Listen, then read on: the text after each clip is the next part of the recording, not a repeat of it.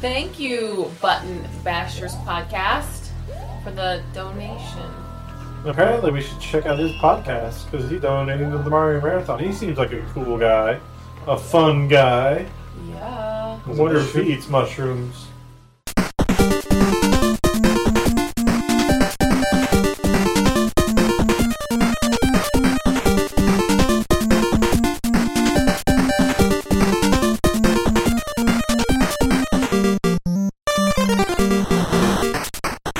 Welkom bij aflevering 39 van de Button Basher podcast. En eh, in deze aflevering hebben we weer een speciale gast. Hadden we natuurlijk al aangekondigd aan het eind van de vorige aflevering. Maar dat is Martijn. Hallo, Hey, blij dat ik er weer ben. ja, weer bent inderdaad. Dan zal het wel weer een topic zijn wat iets met jou te maken heeft, hè? Zoals altijd, Absoluut. Martijn. Absoluut. We hadden je weer ergens voor nodig. Kweek toch? Ja, kweek. Kweek. dat was de vorige keer weggeknipt. Dus dan kan ik misschien nog een keer mijn verhaal... eh En Probotector. ja, We gaan Probotector. het alleen maar hebben over Probotector vandaag. Ja, liever Super eh, C. Moet- 2. Super C moet ik dan eigenlijk zeggen natuurlijk. Precies, ja, ja. Die is eh, een stuk leuker. Ja, maar vandaag gaan we het hoofdzakelijk hebben over eh, ja, iets wat, wat jou nogal bezighoudt de laatste tijd. Maar waar jij ook iets bijzonders in gaat doen binnenkort. Het circus, toch? Eh, ik dacht dat Martijn eh, tegenwoordig werkt als koordanser. nou, dan zal ik eerder meedoen als clown, want... eh, Heb je, nee, ik geen, heb je dat- geen goed evenwicht, Martijn? Hij heeft meestal het la- de lachers op zijn hand. Ja, ik heb best wel goed evenwicht eigenlijk nu. het Oh, je zegt. wou Dus- zeggen, je hebt toch wel rood haar, net zoals de meeste Ja, clowns. precies. Ja, dat was het eigenlijk. Maar ik denk, weet je wat, ik kan het maar gewoon af. Want anders zet ik mezelf te veel voor lul. Ja, daar ben Ja, ik voor ja. meestal. Ja, daarom. Dus Zowel afgemaakt mezelf voor lul zetten als eh, heel soms, heel soms een ander daar een klein beetje mee helpen. Ja, heel soms. Maar meestal mezelf. Tja. Maar we gaan het eigenlijk vandaag hebben over streaming, speedrunning en highscores.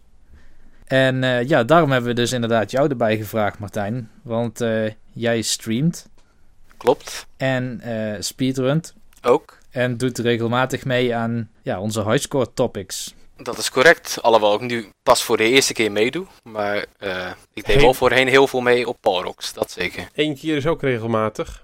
Vanaf nu regelmatig. Dat ja, vanaf ik. nu. Hoop ik. Oké, en dit is allemaal omdat jij ehm, volgens mij in september, als ik me niet vergis, samen met Baksteen666, een ander forumlid, een streaming gaming marathon gaat doen van 24 uur geloof ik, Klopt, ja. Voor een goed doel. En, en inmiddels is al bekend welk goed doel dat is, toch? Ja, klopt. We hebben eh, zowel als op eh, Classic Nintendo Gaming als op Button Bashes hebben we een poll geopend om eh, te kijken wat het goede doel zou worden waar we gewoon voor gaan spelen. Mhm. Vorig jaar hadden we sowieso de dierenbescherming. Dat was, vond ik in ieder geval echt een zeer goed doel om in ieder geval voor te gamen. En tegelijkertijd ook voor te strijden. Want eh 24 uur opblijven is best wel vechten. Ja. En eh, nou ja, goed, we hebben dus nu die polders geopend en ondertussen gesloten voor zover het kan. En na wat optelsommetjes zijn we dus uitgekomen op de Kika.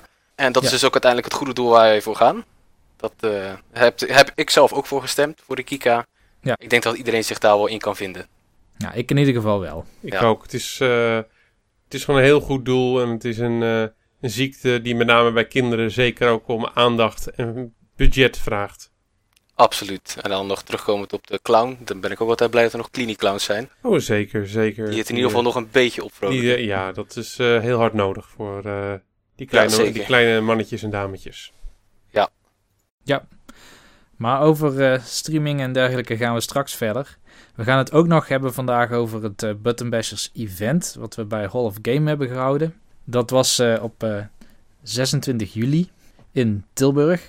En dat was een groot succes, toch? Zeker, er waren 27 mensen, waarvan 25 eh, zo'n beetje de hele dag.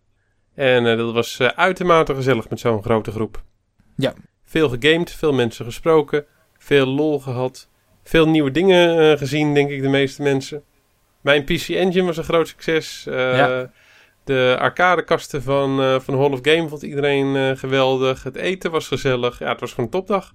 Ja, maar ook daarover straks meer.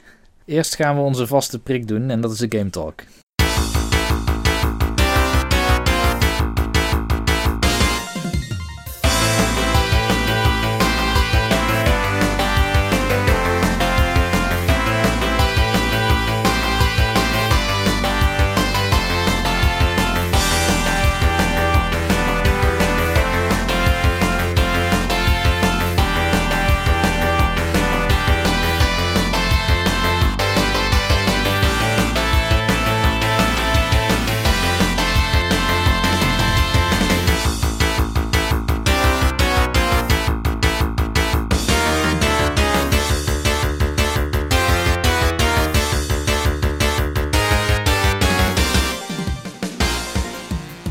De Game Talk, mannen. Nou, laten we bij onze gast beginnen, zoals we vorige week bij Jur hebben gedaan. Dus Martijn, eh, heb je de laatste tijd nog iets zitten spelen? Ik heb eh, de laatste tijd heel veel zitten spelen. En ik denk dat het eh, eigenlijk ook te veel is om op te noemen allemaal. En zeker om daar in detail op in te gaan. Maar wat Mhm. ik je wel kan vertellen is dat ik laatst kan me herinneren dat een van deze mensen die nu hierbij zitten dat best wel lang, of in ieder geval best lang last van heeft gehad. En dat was Diablo 3. Die heb ik weer eens even gespeeld. Ik had er zo vermoeden dat het daarover zou gaan. Vanaf Ja. het moment eh, dat ik het woord verslaving hoorde, toen wist ik eigenlijk wel redelijk genoeg. Ja, eh, dat heb ik eh, afgelopen weekend weer eventjes met Paul gespeeld. Ja. Eh, e- eventjes staat een beetje tussen aanhalingstekens, want dat duurde echt 5,5 uur. Waren we uiteindelijk bezig. Dat is naar Steve standaarden best kort. Dat is best. Ja, dat klopt, ja, dat klopt, ja. ja, En hoe, Maar voelde, dat- hoe voelde dat, eh, Martijn? nou, het was wel eigenlijk wel heel erg leuk weer. Maar ik had wel een beetje na een paar uur van. Ja, het is eigenlijk wel heel veel hetzelfde. En weer wachten en hopen op loot. En oh god, ik heb eindelijk een legendary. En dan is die echt super slecht. En dan denk ik van, nou, was dat nou echt die twee uur waard? Nee, dat was het niet. Maar eh, het samenspelen van, eh, of in ieder geval het samenspelen in dat spel, vind ik heel cool. Zeker als je gewoon Skype aanzet. Je gaat gewoon lekker met z'n twee of met drie man lekker avontureren. En een beetje monsters slayen. Nou, dat vind ik gewoon heerlijk. Het is gewoon eh, altijd leuk om te doen. Ja, dat is gewoon super gaaf. En dat is ook wat mij zo aansprak in dat spel. Al denk ik dat het wel eventjes duurt tot ik er echt weer eh, fanatiek mee aan de slag ga.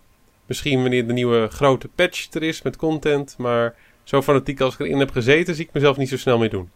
Nee, maar we gingen, we gingen sowieso spelen, toch? Als We gaan sowieso spelen. Ik uitkwam. ben sowieso eh, benieuwd naar eh, Diablo 2.1. Ik ook. Nou, naast Diablo 3 dan eh, heb ik ook nog heel veel NES games gespeeld. En dat heeft meer te maken met het feit dat eh, op mijn stream ben ik eh, op dit moment bezig om zo in ieder geval alle spellen die ik heb proberen uit te spelen. En dat wordt in sommige gevallen echt Mission Impossible. Zoals dat spel ook. Dat wordt ook Mission Impossible. Die snap ik al helemaal niet. Want ja, het is gewoon echt te veel. En er zitten, ja, Color Dinosaur zit ertussen. Die kan je sowieso niet uitspelen. Eh, veel te moeilijke spellen zoals Die Hard, Starship Even een vraagje. Color Dinosaur. Moet je Ja. daarin een dinosaurus kleuren? Dat klopt. Was zo een wild guess. Ja, dat is het ook hoor. Meer, meer, eh, meer dan dat is het niet. En het werkt nog heel slecht ook. Dus eh, hij is ook aardig in waarde gedaald, gelukkig. Eh, maar wat ik dus van de week voornamelijk heb gespeeld, dat is eh, Metroid. Heb ik heel veel geoefend nog. Dat heb ik niet gestreamd overigens. Want eh, er zitten namelijk wat glitches in die ik probeer. En die zijn gewoon ja, niet echt heel boeiend om te zien. Plus ik eh, faal echt eh 9 van de 10 keer om dat te doen. Dus zodra ik dat een beetje onder controle heb, dan ga ik dat pas streamen. Ja, en ik heb ook nog DuckTales heb ik gespeeld, Legend of Kage heb ik gespeeld, Super Mario Bros. 2 heb ik gespeeld, Galaga uiteraard voor de highscore, Ja, die ik op dit moment nog heb staan en hopelijk blijft Ja. er staan. even voor de luisteraars. Galaga is op dit moment onze Gameland Groningen Retro Challenge. De hele maand augustus nog. Je kan de hele maand augustus eh, meedoen. En ik weet in ieder geval dat Mike ook een hele goede score neer gaat zetten. Ik denk het niet. Maar ik vind het al leuk om weer even mee te doen. ja, daarom. eh, ik moedig mensen juist alleen maar aan om juist boven mijn score uit te komen, want dan ga ik ook weer ervoor en dan eh, hopelijk die score dan weer verslaan. Want dat maakt het, vind ik in ieder geval, een stuk leuker. ja, maar het is al best pittig, Martijn, om boven de 100.000 punten uit te komen, vind ik. Klopt, dat is eh, wel waar. En ik heb het net weer geprobeerd. En toen kwam ik aan de 60.000 en dan ging ik alweer af. Maar ja, Nou, misschien eh, dat ik je nog wel wat tips en tricks geef. eh. Maken jullie ook Galaga's? is dat twee van die schepen aan elkaar? Ja. Oh, ja, dat maak ik. Mijn nieuwste ontdekking met Galaga is dat als je in level 1 zo'n Galaga maakt en je speelt level 2 heel goed en het bonus level, dan moet het lukken om na het bonus level ruim over de 30.000 punten te hebben. Klopt. En dan heb je dus meteen een leven na het bonus level. Ja, en dat, eh, dat is inderdaad de beste tactiek voor in het begin. Ja, en daarna is de tactiek alles ontwijken, bij mij in ieder geval. ja, dat is het sowieso. Ja, en eh, verder heb ik eigenlijk vrij weinig gespeeld dan hetzelfde. Ja, en de game die ook nog wel noemenswaardig is, is dat ik nog Codename Viper heb geprobeerd. Om mijn eigen record te verbreken en Mega Man 1. Die heb ik jou eh, regelmatig zien spelen ook op de stream. Klopt. Beide. Mega Man 1 heb ik ook gespeeld. Oké. Voor, eh, voor mijn nieuwe zijproject. Maar daar kan ik eh, helaas nu nog niet te veel over vertellen.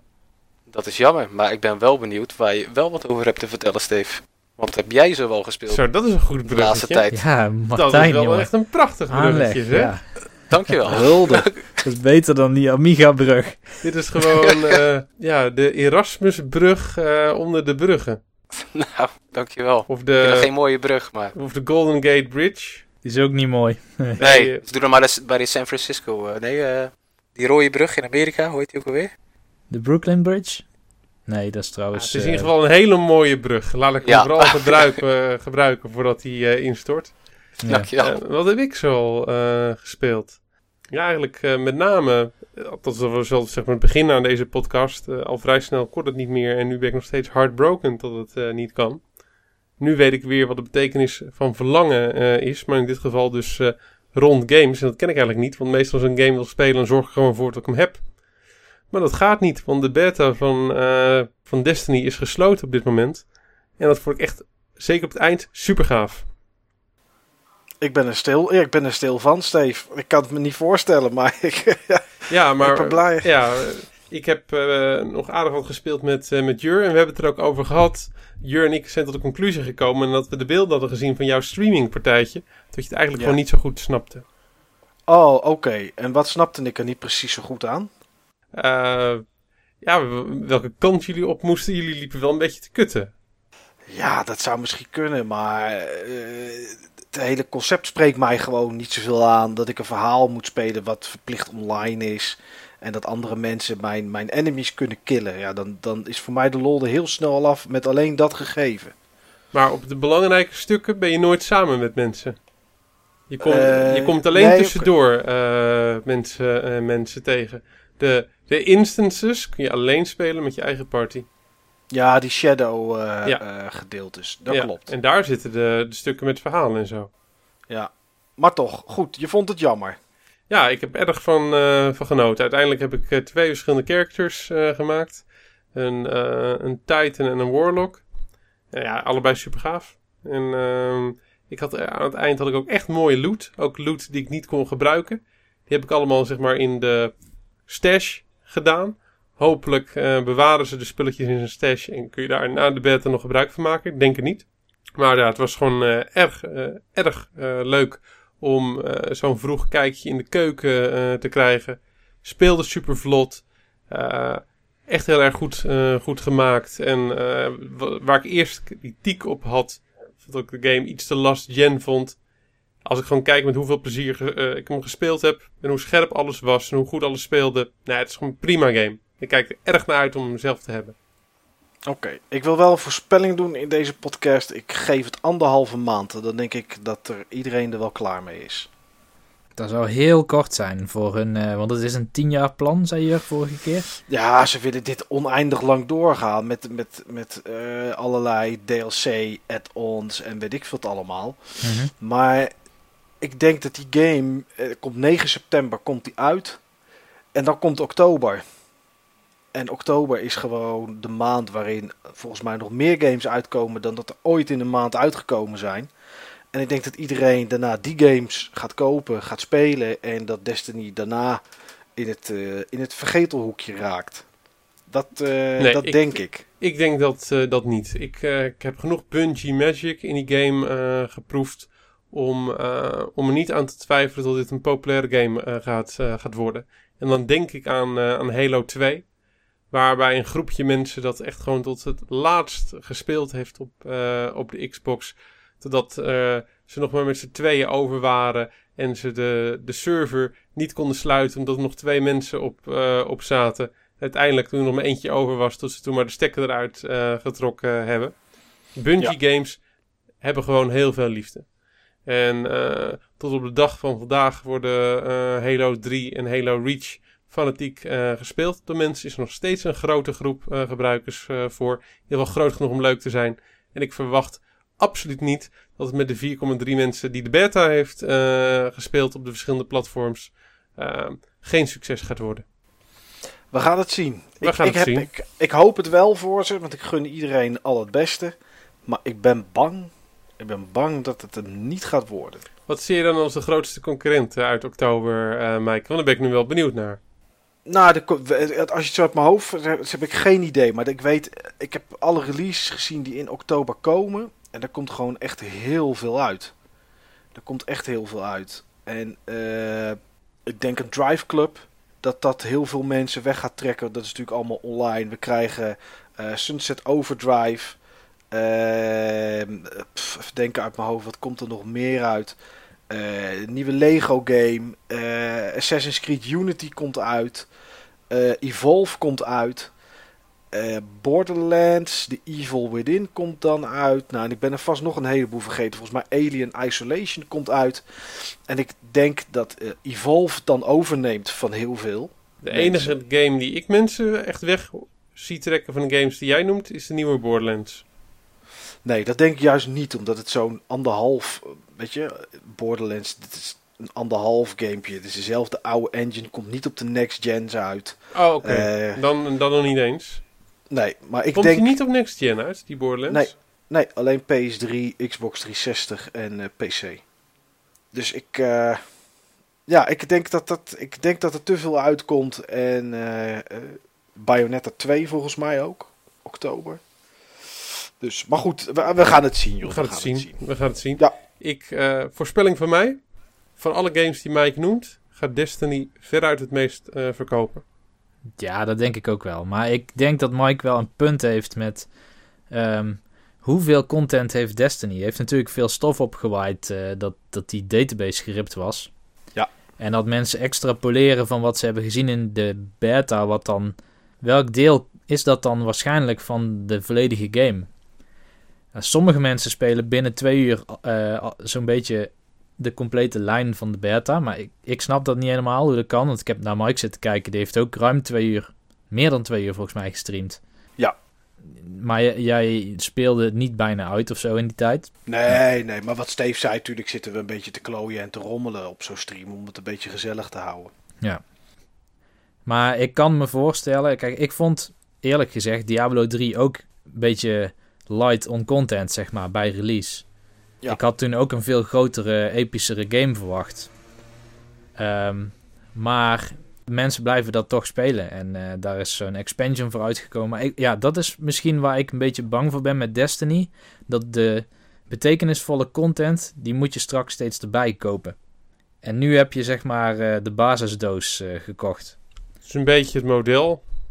Ja, We gaan het, eh, we gaan het zien. Wat in ieder geval nog niemand eh, gezien heeft, of zeer weinig mensen, volgens mij heeft dat maar echt heel kort open gestaan, is de player versus player deathmatch, een team deathmatch. Ja.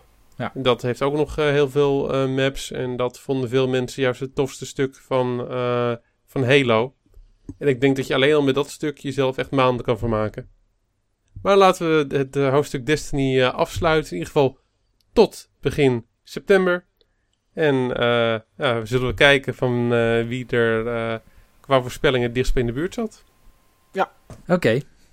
Nou Mike, jij kondigde iets aan.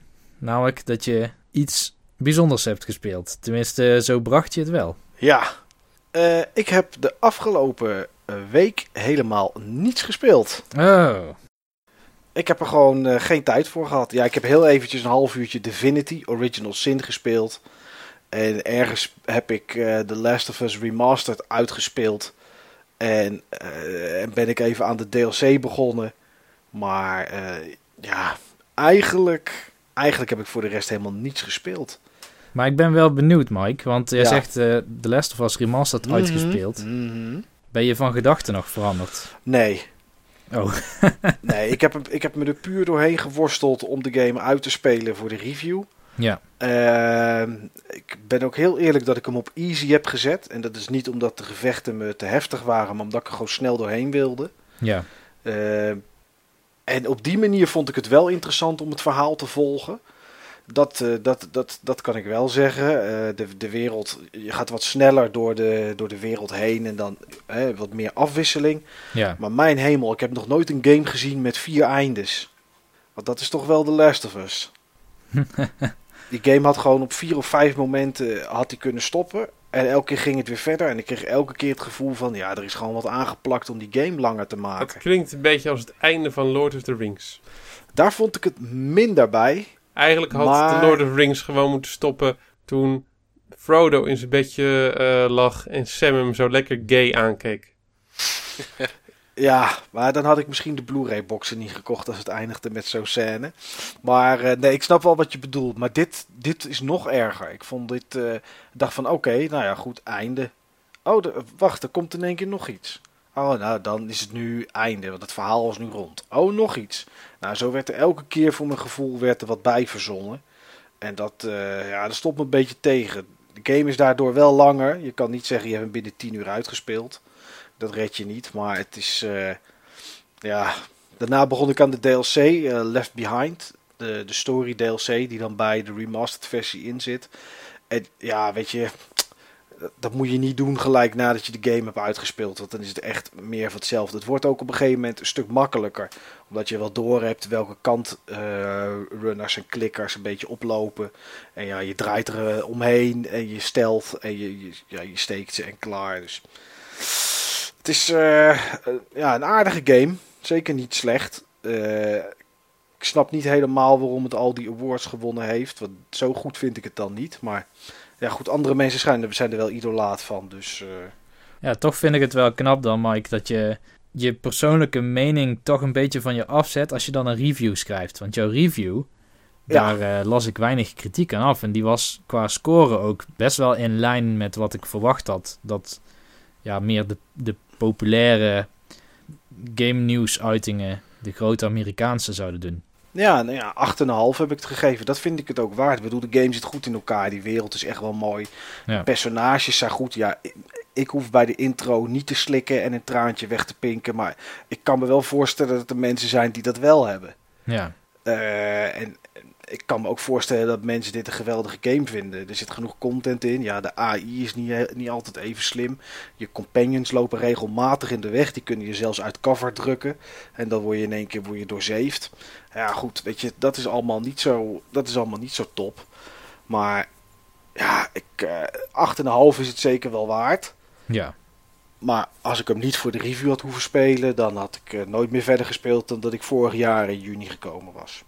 Dus, eh, nou, dat is een beetje waar ik eh, eigenlijk, ja, goed, wel, want ik heb dit wel geloof ik een uur of 18, 19 zitten spelen. Dus ik heb eigenlijk wel veel gespeeld, maar kan je nagaan, het was me niet eens het noemen waard. Dus, eh, maar misschien heb jij dat wel, eh, Niels. Iets wat echt op de lijst moet van iets dat je gespeeld moet hebben. En nou ja, dat vraag ik me af. Ik zei vorige aflevering bij de Game Talk dat ik een aantal games had gekocht op de PC via Steam. Die Oculus Rift ready waren. Oh ja, En ehm, toen was ik in eerste instantie begonnen aan eh, Half-Life 2. En Half-Life 2 heb ik volgens mij al een keer uitgelegd in de- deze podcast. Dat dat niet mijn favoriete Half-Life was. Sterker nog, ik kwam er niet eens doorheen. Maar ik dacht misschien dat eh, Oculus Rift daar verandering in brengt.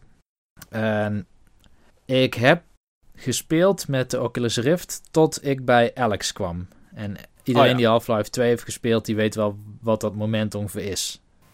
Het is net voordat je ook echt een wapen krijgt, zeg maar. Alles daarvoor was een soort introductie. En ik stopte met die Oculus Rift puur omdat ik kon niet wennen aan ehm, de field of view. Dus je wordt toch best wel snel duizelig van. Waar Steve eh, vorige keer ook bij vroeg van, maar kun je daar niet aan wennen? En toen zei ik ja, er zijn wel trucjes om minder misselijk te worden, zeg maar. Maar het is nooit comfortabel. En het is wel indrukwekkend. Ehm, kijk, die game die ziet er voor hedendaagse standaard natuurlijk niet meer zo mooi uit. Nee. Ehm, maar met die Oculus Rift helm en een eh, koptelefoon op je hoofd... komt alles toch best wel realistisch over. Dus ehm, ik vond het ook behoorlijk eng, zeg maar, om te spelen. Omdat ehm, je zit bijvoorbeeld in zo'n zo'n zo'n pand, zo'n huis... In, eh, in het begin van het spel...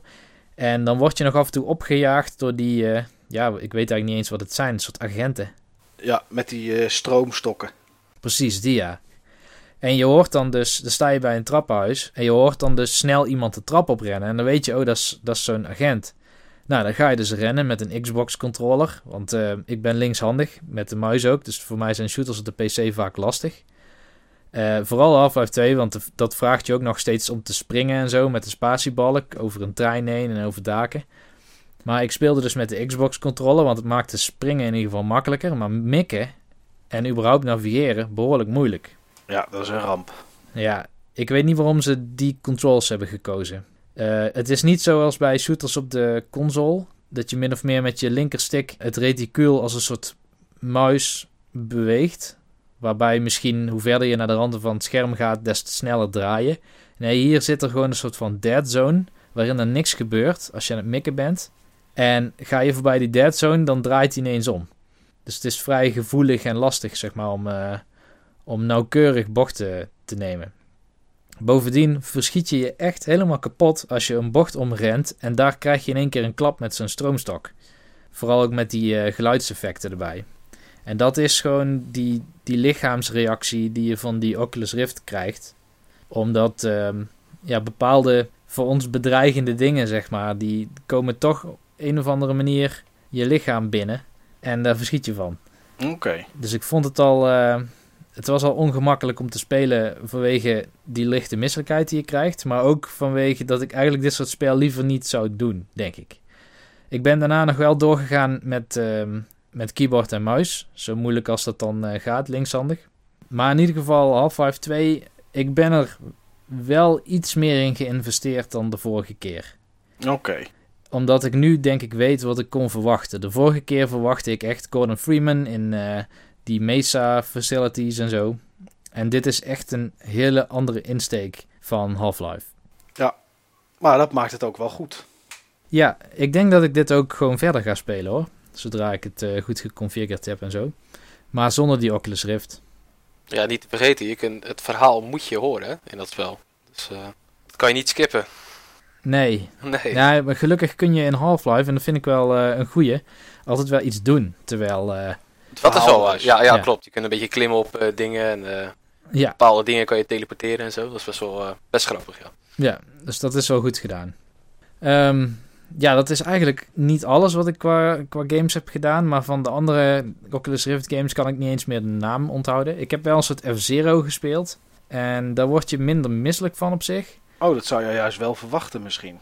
Ja, nou, ik vond het heel erg ehm, tegenvallen. Ik had veel meer verwacht van een soort sensatie of zo wat je ervan krijgt. Maar ehm, ik denk dat een, een soort third-person view veel meer sensatie van snelheid geeft dan first-person met een Oculus Rift op. Oké. Dus het werkt een beetje raar. Oh ja, en je had een soort van checkpoint zones. En eh, elke keer als je zo'n ding nadert, en het, het is een soort ehm, lasernet als het ware wat gespannen is, zodat je daar doorheen rijdt en dan wordt je tijd geregistreerd of een checkpoint. Ik weet niet meer eens precies wat het was. Maar je denkt elke keer eh, met je lichaam dat je ergens tegenaan gaat knallen, zeg maar. Dus dat maakt het ook altijd toch weer lastig. En merk je dan aan jezelf dat je ook bewegingen naar links of naar rechts aan het maken bent? Nee, niet bij dat spel. Oké. Nee. Dat heb je bij Half-Life meer. Maar bij Half-Life is het ook gewoon leuk om, eh, om om je heen te kijken. En eh, ja, wat je nooit doet op de PC waarschijnlijk is een beetje schuin naar boven en naar een lamp kijken of zo.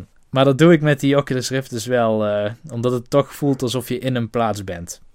Oh ja, en dat is nog een laatste ding eh, wat, wat me opvalt. opvalt. Ehm, de beleving van schaal is veel groter met een Oculus Rift op. Je hebt het gevoel dat de ruimtes waarin je bent veel groter zijn? Of? Ja, veel groter, ja. Oké. En dat is, dat is een, echt een significant verschil. Als je, dat, als je het spel speelt zonder Oculus Rift en met Oculus Rift. Zonder Oculus Rift voelen veel passages vrij claustrofobisch aan en begrensd. En eh, met Oculus Rift dan eh, heb ik daar helemaal geen last van. Of ja, ik, ik heb sowieso geen last van claustrofobie. Maar met Oculus Rift komt alles toch vrij groot over. Nou, dat is wel apart. Ja. Eén tip voor developers bij Oculus Rift. Ehm, je games moeten gewoon trager. Bij Facebook bedoel je? Bij Of- Facebook, ja. Inmiddels bij Facebook. Ja. De snelheid waarmee we gewend zijn om onze games te spelen is denk ik te hoog voor met zo'n Oculus Rift. Oké. En dan word je toch te, te misselijk, zeg maar. Ja, die snelheid en, en de field of view. Ik denk dat het een combinatie van die twee is. Oké. Nou, mocht er iemand luisteren, doe er wat aan, jongens. Maar dat was de Game Talk dan.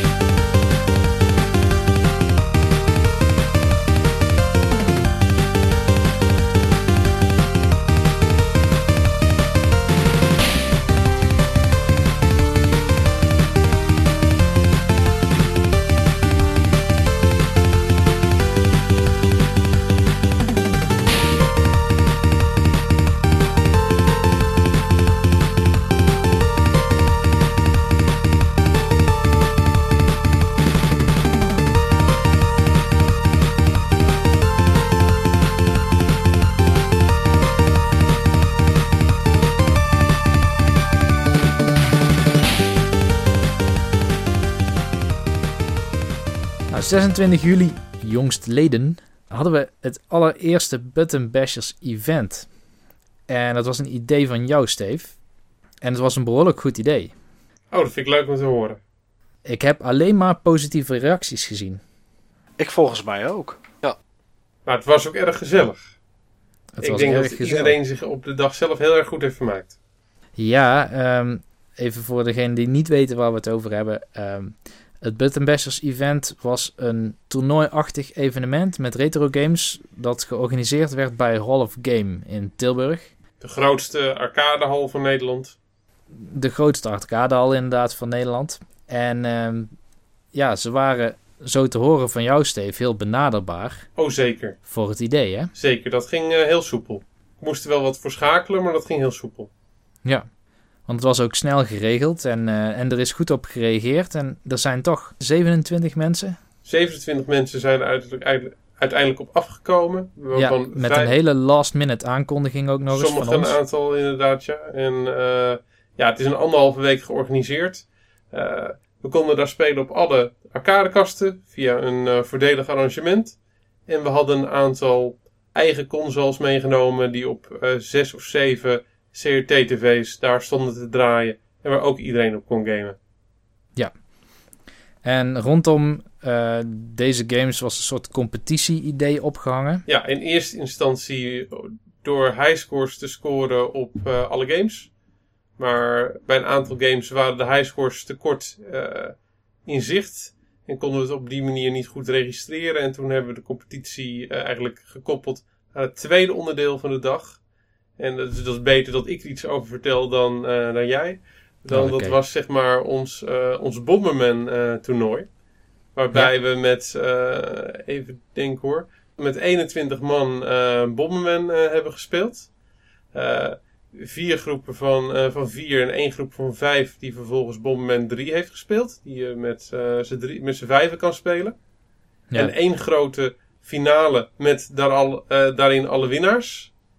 Die gewonnen is door jou, Niels. En die was, heel, Ja. die was heel spannend, die finale. Die finale was spannend inderdaad. Ehm, ik had ook niet verwacht dat die zo spannend ging worden. Want de voorronde, die was niet zo moeilijk voor mij. Dat was een flawless victory. Oké. Nou is het wel zo dat eh, Bomberman is voor mij wel een bekende game, zullen we maar noemen. Want toen ik eh, in Amsterdam werkte, toen ging ik dagelijks op en neer met de trein. En we speelden altijd met acht mensen Bomberman op de Nintendo DS. En eh, er is iemand nog een stuk beter dan ik. Mike, en dat is de technical director van Vanguard Entertainment Group, zoals die development studio heet. Het is echt onverslaanbaar. Maar ik vond het leuk om te zien dat die skills die je overhoudt van tegen hem jaren gespeeld te hebben, dat die genoeg zijn om, ehm, om koud zo'n toernooitje in te springen en, eh, en toch nog te winnen. Dat Ondanks deed je inderdaad, niet onverdienstelijk, inderdaad, eh, Niels. Niet onverdienstelijk, maar het, ik zag het bijna misgaan. Er zat naast me iemand, het was een vriend van Mark, die overigens ook in, de, in die finale ronde zat. Het waren, dacht ik, Mark, Ja, ik heb hier... je hebt ze? Ja, ik heb ze. Het was eh, jou, jij in ieder geval, Tom, Wouter, Mark en Victor. Ja. En Wouter die kwam al vrij snel op twee punten voorsprong, kan ik me herinneren. En uiteindelijk kwamen volgens mij drie mensen op twee punten te staan. Klopt. Maar was jij daar daar één van, Niels? Daar was ik er gelukkig één van, ja. Oké. Maar ik had een, eh, een kleine inhaalsprint te doen, omdat die Wouter inderdaad voor stond. En dit was een bommenman die ik nooit had gedaan, dus het was een beetje lastig met die, eh, die Louis, die beestjes. Ik kende ze wel, want ik heb ooit een keer een rom gespeeld. Ja, ja. Ehm, Maakt niet uit. En eh, dus ik, ik heb ze wel eens gezien eh, met de singleplayer modus. Maar het was voor het eerst dat ik met, eh, in de multiplayer dit deed. Dus het was af en toe een beetje wennen. Zo van, oké, wat doet deze dan? Welke, die gele bijvoorbeeld. Tenminste, ik dacht dat ik een gele had op een gegeven moment. Wat is dan de power-up ervan? Nou, het is sowieso een soort extra leven. Want als dat ding wordt geraakt, dan blijf jij als bomberman over. En die is hard nodig als je tegen een aantal van die fanatieke gamers speelt.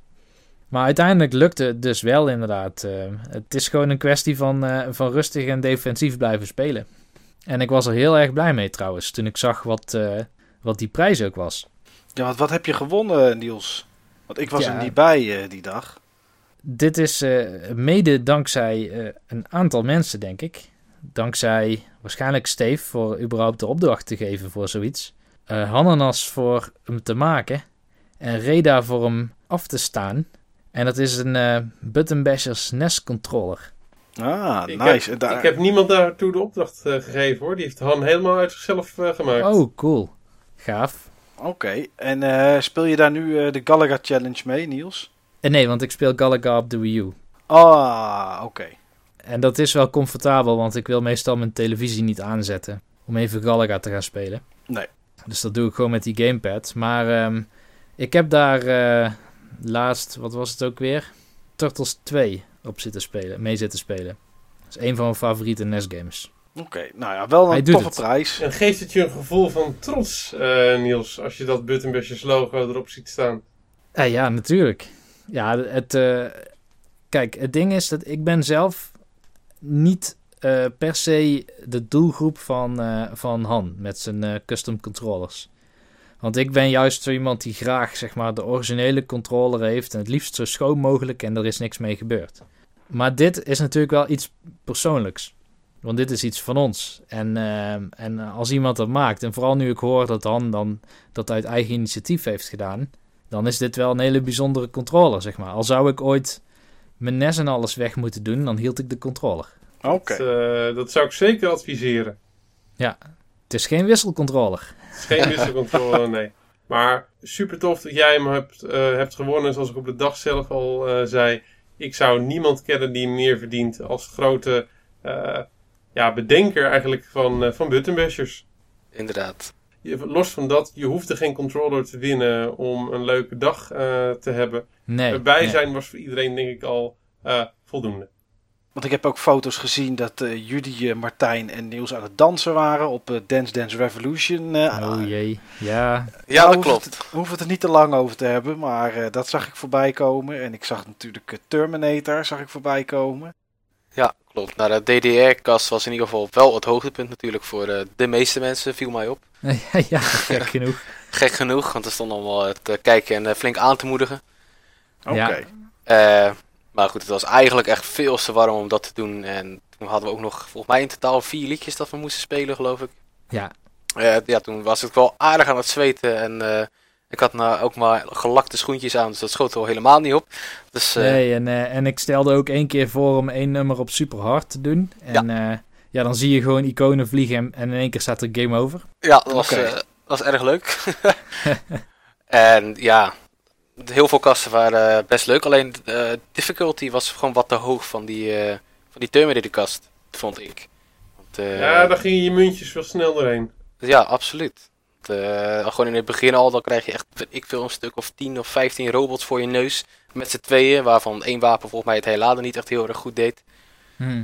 Eh, ja, dan moest je echt, eh, ja, je was gewoon binnen 2 à 3 minuten was het alweer klaar. En dan moest er weer een nieuwe munt in. Gelukkig hadden we wel echt heel veel muntjes, dankzij het eh, zeer luxe arrangement wat eh Steve heeft eh, geregeld. Maar eh, dan alsnog was het erg moeilijk, vond ik. Ja. Klinkt wel als, eh, zoals mijn guldens vroeger gingen in de arcade. In de arcade al twee, drie minuten en dan kom weer een nieuwe in. Ja, dat, Ja, dat en was... die van mijn moeder met, met de kermis of wanneer we naar Avifauna gingen. ja. En daarna gingen jullie eten bij Ja. de berending en nog naar de bios, toch? Ja, Klopt. we zijn nog met een iets kleinere groep naar Hercules geweest. Dat was ook leuk. Oké. Ja. Voor herhaling vatbaar? Zeker, zeker. Ja. Ik, ik heb eh, iedereen er eh, best wel enthousiast eh, over horen spreken. En eh, ja, je ziet gewoon direct dingen die beter kunnen een volgende keer. En het was nu al gewoon prima. Dit ruikt er zeker naar meer. Ja. En wat het fijne is van dit soort locaties, dat je gewoon echt met een hele grote groep daar terecht kan. Dus er is zelfs nog ruimte voor, eh, voor rek en voor groei. Ja, en, eh, en natuurlijk gewoon het feit dat die arcadehal en het restaurant en de bioscoop gewoon op dezelfde vierkante hectare zitten. Vier, vierkante hectare, eh, er zit misschien 10 meter tussen bij wijze van spreken. Hun oppervlak. En niet te vergeten natuurlijk een parkeergarage voor 1 euro voor een hele dag. Ja, Ook niet Nou, te al- min. alle drie aanraders. Alle drie aanraders. En nogmaals, we komen er zeker terug. ja, het was alleen jammer inderdaad. eh, daarom nemen we nu ook een soort retrospectieve rubriek op over het Button Bashers event. Ja, eigenlijk hadden we live op zitten nemen daar. Met een groot aantal van de mensen die er aanwezig waren. Ja, technologie kan wel eens in de steek laten, Niels. Kan je niks aan doen. Op de verkeerde momenten altijd, hè? We hebben het anders echt nooit. Nee, er is nog nooit iets misgegaan met opnemen van de podcast. Maar helaas ging net deze mis. Dus sorry daarvoor, mensen. Nou, extra reden om het binnenkort nog een keer in te halen.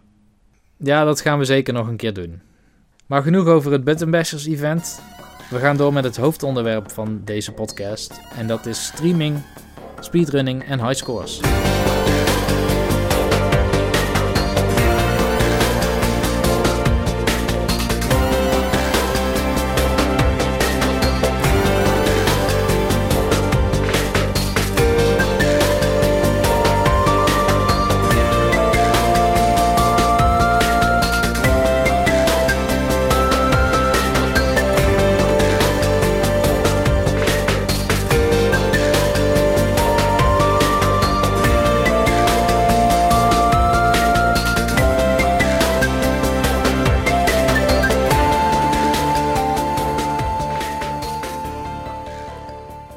Wat we niet kunnen ontkennen is dat de laatste tijd dingen als streaming, gamestreaming en speedrunning vrij populair zijn geworden. Ik heb in ieder geval zelf de indruk dat het dit jaar al een stuk groter is dan vorig jaar en vorig jaar groter was dan het jaar daarvoor.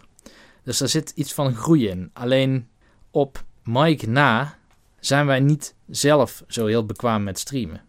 Maar daarom hebben we Martijn juist uitgenodigd. Martijn die streamt namelijk heel vaak, toch? Klopt, ja.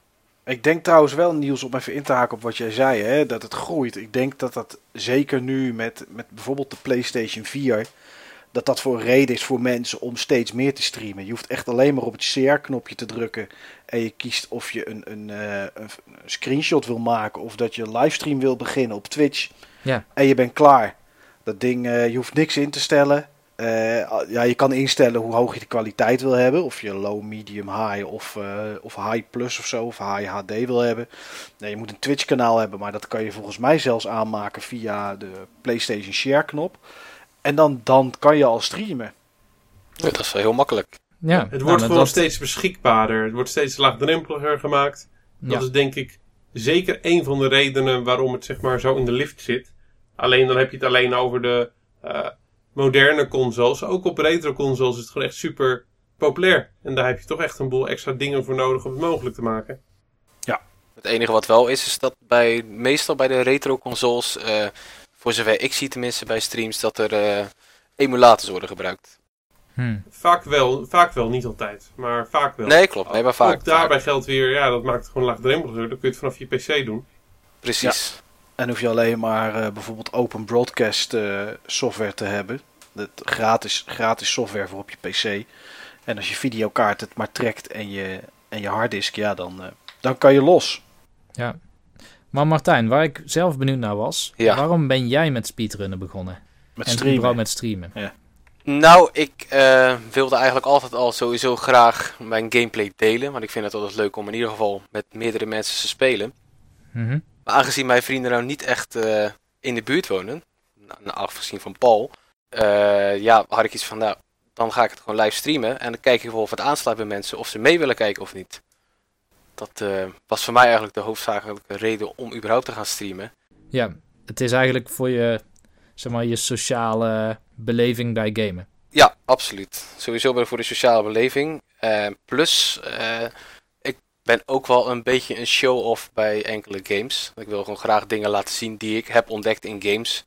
Van, Ja. oh, kijk, dit is van waarom kan ik opeens die muur in, terwijl dat, dat eigenlijk helemaal dicht hoort te zijn. Of enkele andere glitches. Dat vind ik gewoon leuk om te laten zien. Ja. En eh, ja, ik ben best wel gedreven in de, de meeste spellen die ik speel. En ik denk dat daar het speedrunnen eerder vandaan kwam. Maar dat is meer aangewakkerd, ook door Nesrunner eigenlijk.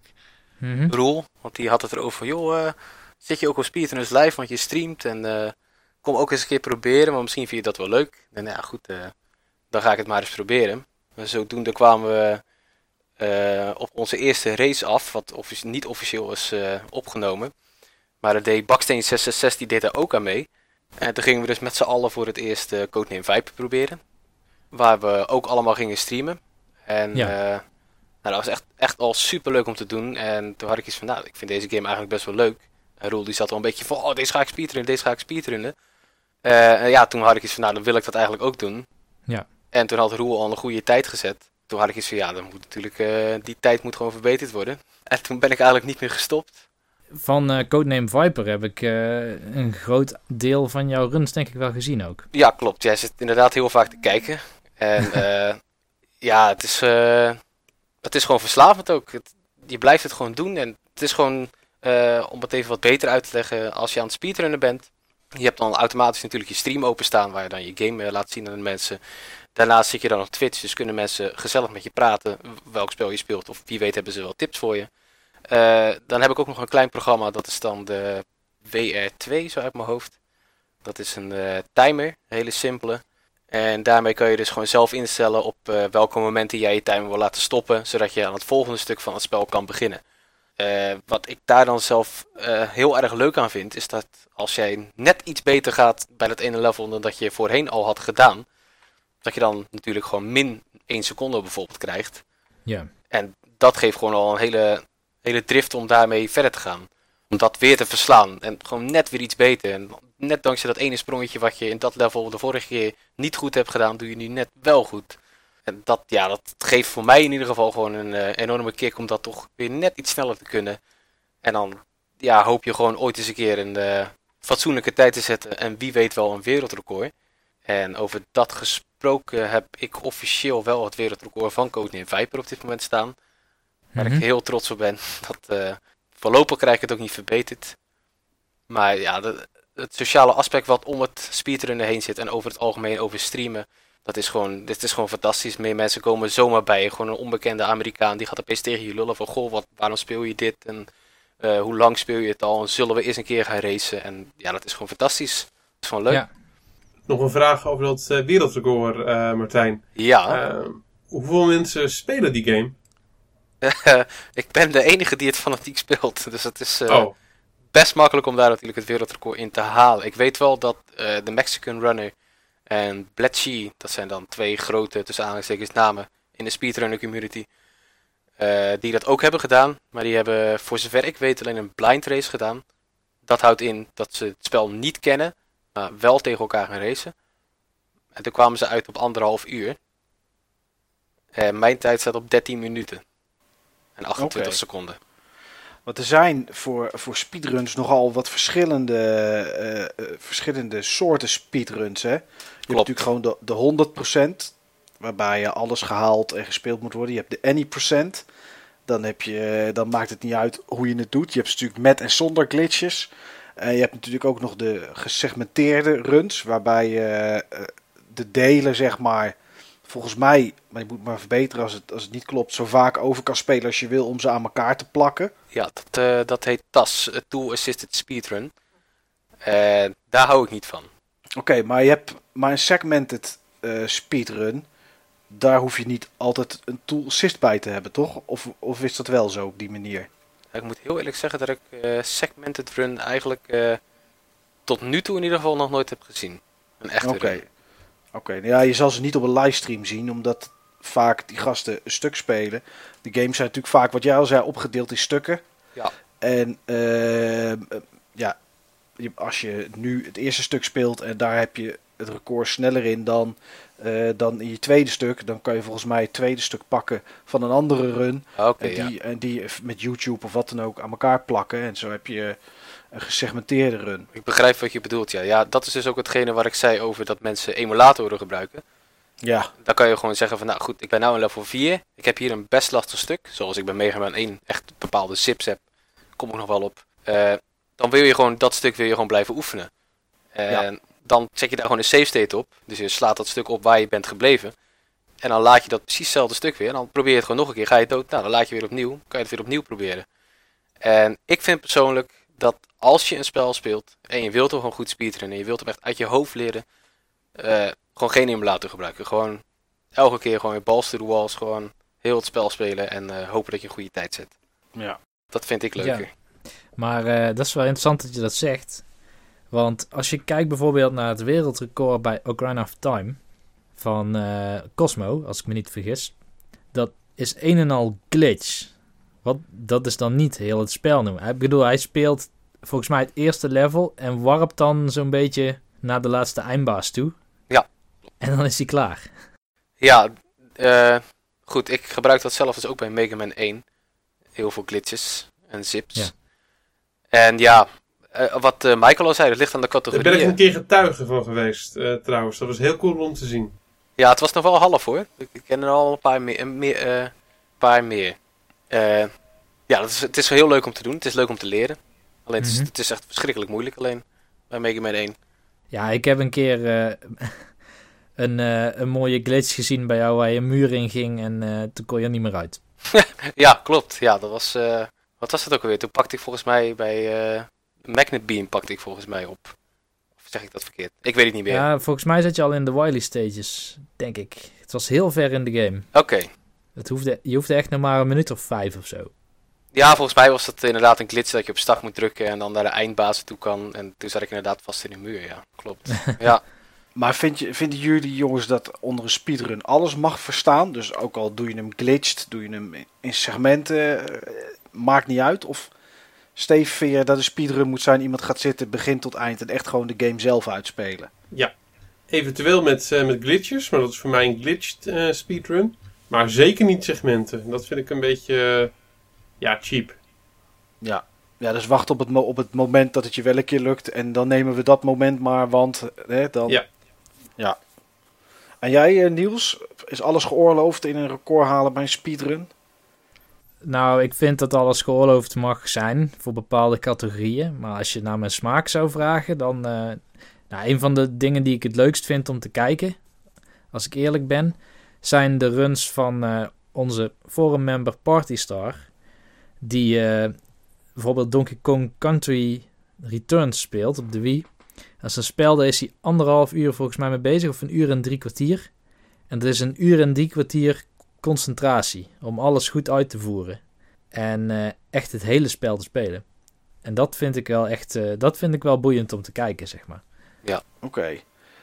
Weet je wat ik wel vind bij speedruns? Als een speedrun langer duurt dan twee uur, vind ik het eigenlijk, eigenlijk geen speedrun meer. En dan vind ik het ook niet zo interessant meer om naar te kijken. Ik weet niet of Ja, hangt dat... een beetje van de game af. Hè?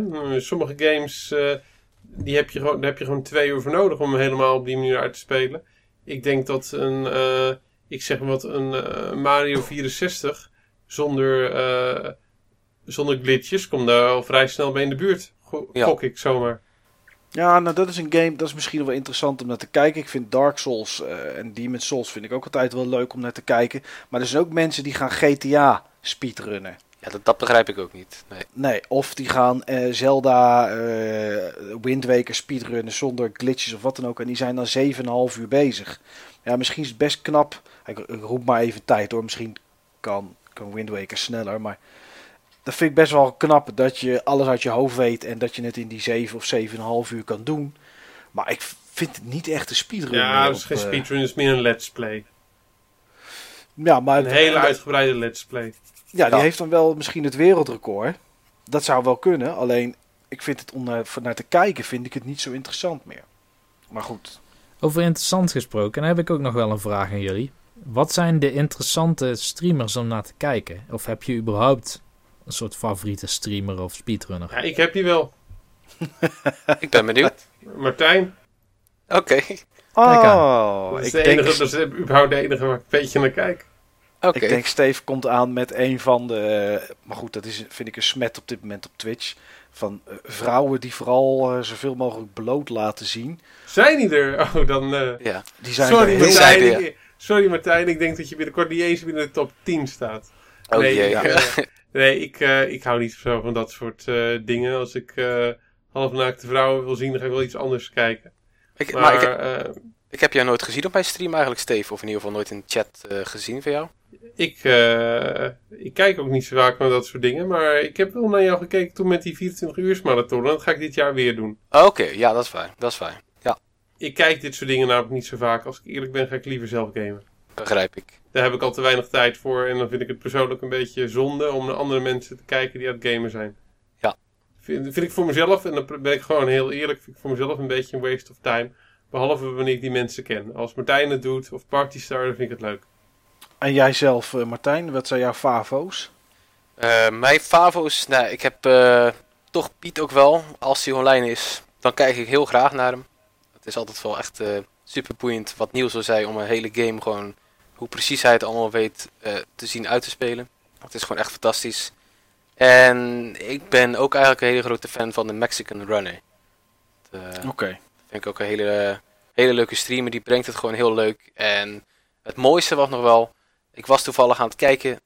toen zag ik opeens dat de Mexican Runner online kwam. Ik denk, nou, even kijken wat hij aan het doen is dan. En wat doet hij? Zijn broer was erbij. Die had een akoestische gitaar. Hij had zelf een dwarsfluit. En ze gaven zomaar een concert voor de 400 man die keken. En ze speelden alleen maar retro games op hun fluit en gitaar. En dat was echt fantastisch. Het was echt heel erg Oh, mooi. dat is wel leuk, ja. Ja. Het staat ook op YouTube, geloof ik, op dit moment. Eh, ik raad het echt aan om te kijken, want die man die speelt zo ontzettend goed dwarsfluit. Ik hou helemaal niet van fluiten, überhaupt niet van blaasinstrumenten. Maar dat gaf mij toch absoluut wel kippenvel. Gewoon omdat het zo spontaan kwam en gewoon ook zo goed werd uitgevoerd. Dus eh, vandaar dat mij, eh, bij mij de Mexican Runner op één staat. Oké. En dan ben ik natuurlijk ook wel benieuwd naar Niels, wat hij heeft staan. Ja, eh, ik, ik heb er veel, denk ik. Terwijl ik nauwelijks speedruns kijk. Ik kijk echt... Als AGDQ is, dan pik ik er een paar uit waarvan ik denk... Van, oh, dat is een interessante game. Dat wil ik wel zien, wat die persoon daarmee uithaalt. Ik kijk natuurlijk als Partystar iets doet. Of eh, ik kijk ook wel eens naar jouw stream. Eh, maar mijn introductie richting speedrunning was eigenlijk bij Zglamic. De Mario 64 runner. Oké, Oh ja. Dat was echt de eerste keer dat ik naar een speedrun heb zitten kijken. Die ook live werd uitgevoerd op dat moment. Dat vond ik echt bijna een kunst om te zien. Een kunstwerk eh, dat live wordt uitgevoerd. Hij deed volgens mij een, eh, een 128 sterren run. Of 120 is het geloof ik. 120, 120. sterren. Ja. En ehm, dat ging zo foutloos. Die sprongen waren zo absurd. En als ik zelf het spel probeer te spelen, ik krijg Mario echt niet normaal in een richting. Als ik eh, een triple jump eh, ergens vanaf een eh, richel moet doen, dan gaat die geheid de eerste 15 keer fout. Maar hij weet het dus zo te spelen dat hij, die, dat hij alles achter elkaar gewoon goed doet. En dat is echt gaaf. En ehm, eh, in die tijd was eh Nesrunner al wat meer aan het kijken via dat Speedruns Live. Hij eh, had mij gewezen op Fiesel. ja, die ken ik wel, ja. Ja, en Fiesel was wel interessant omdat hij zeg maar heel sympathiek overkomt. En ehm, de hele tijd ook praat met, met de mensen die in zijn chat zitten. Of hij praat over zijn game. En niet op zo'n Cosmo manier van ik ga nu uitleggen wat de truc hier is. Maar hij blijft gewoon ook praten over wat hem überhaupt fascineert aan de game. Bijvoorbeeld was hij dan eh, Turtles 1 aan het spelen en ik heb een keer Zelda 2 zien spelen. Dan, eh, ja, dan is het gewoon een heel normaal persoon. En niet een soort sommige speedrunners die, eh, die krijgen het misschien een beetje hoog in hun bol soms. Ja, ik ken er wel eentje die echt ontzettend verschrikkelijk vervelend doet en heel erg alles zichzelf ophypt, zo gezegd. Ja, wie is dat? Eh, Game J06.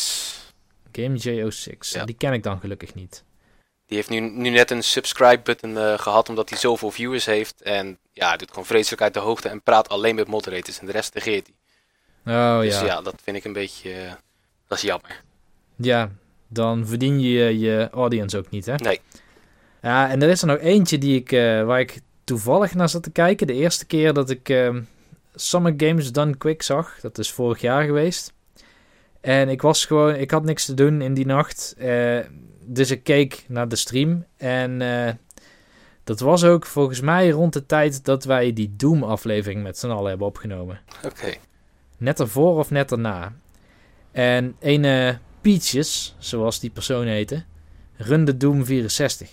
En dat vond ik ook erg gaaf om te zien. Dat was iemand die streeft, zeg maar, het, com- het complete spel door. En die deed dat op Nightmare. Wauw. En dat ging ook niet mis, zeg maar. Volgens mij lukte alles in één keer. Dat was echt geweldig om te zien. Bizar. ja. Pietjes is een leuke kerel om naar te kijken. Maar die ken jij ook. Ja, ja, ja, ik ken hem. Maar volgens mij was hij ook, was het ook Peaches die Super Mario 64 met één hand uitspeelde. Ja, klopt. Ja. Ja. Eh, Ja. Want hij had toen zijn hand Met een gebroken normale of zo. controller. Met een normale controle. Ja, Ja. had zijn hand, eh, ze, ze- en dat was ook ze, hij is rechts volgens mij en had zijn rechterhand volgens mij een keer gebroken. En toen kon hij eigenlijk niks, of zijn arm. En toen kon hij ook niet naar het werk. Hij kon, eh, hij kon eigenlijk niet zoveel. En toen, eh, toen is hij gaan oefenen om Super Mario 64 uit te spelen met één hand en met de gewone Nintendo 64 controller. Dit, eh, dat heb ik toevallig, eh, nou het is niet toevallig, maar dat heb ik gezien. Dat was eh, erg leuk om naar te kijken. Dat was wel redelijk knap. briljant.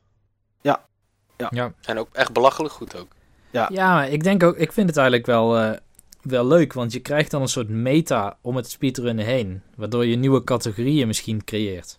Ik bedoel, je hebt ook die, eh, die races, zeg maar. Dat is eigenlijk ook een meta speedrun. Dus gewoon Klopt. iemand heeft verzonnen, laten we gewoon tegelijk een speedrun doen en kijken wie het eerst klaar is. Of eh, Super Punch-Out met blinddoek.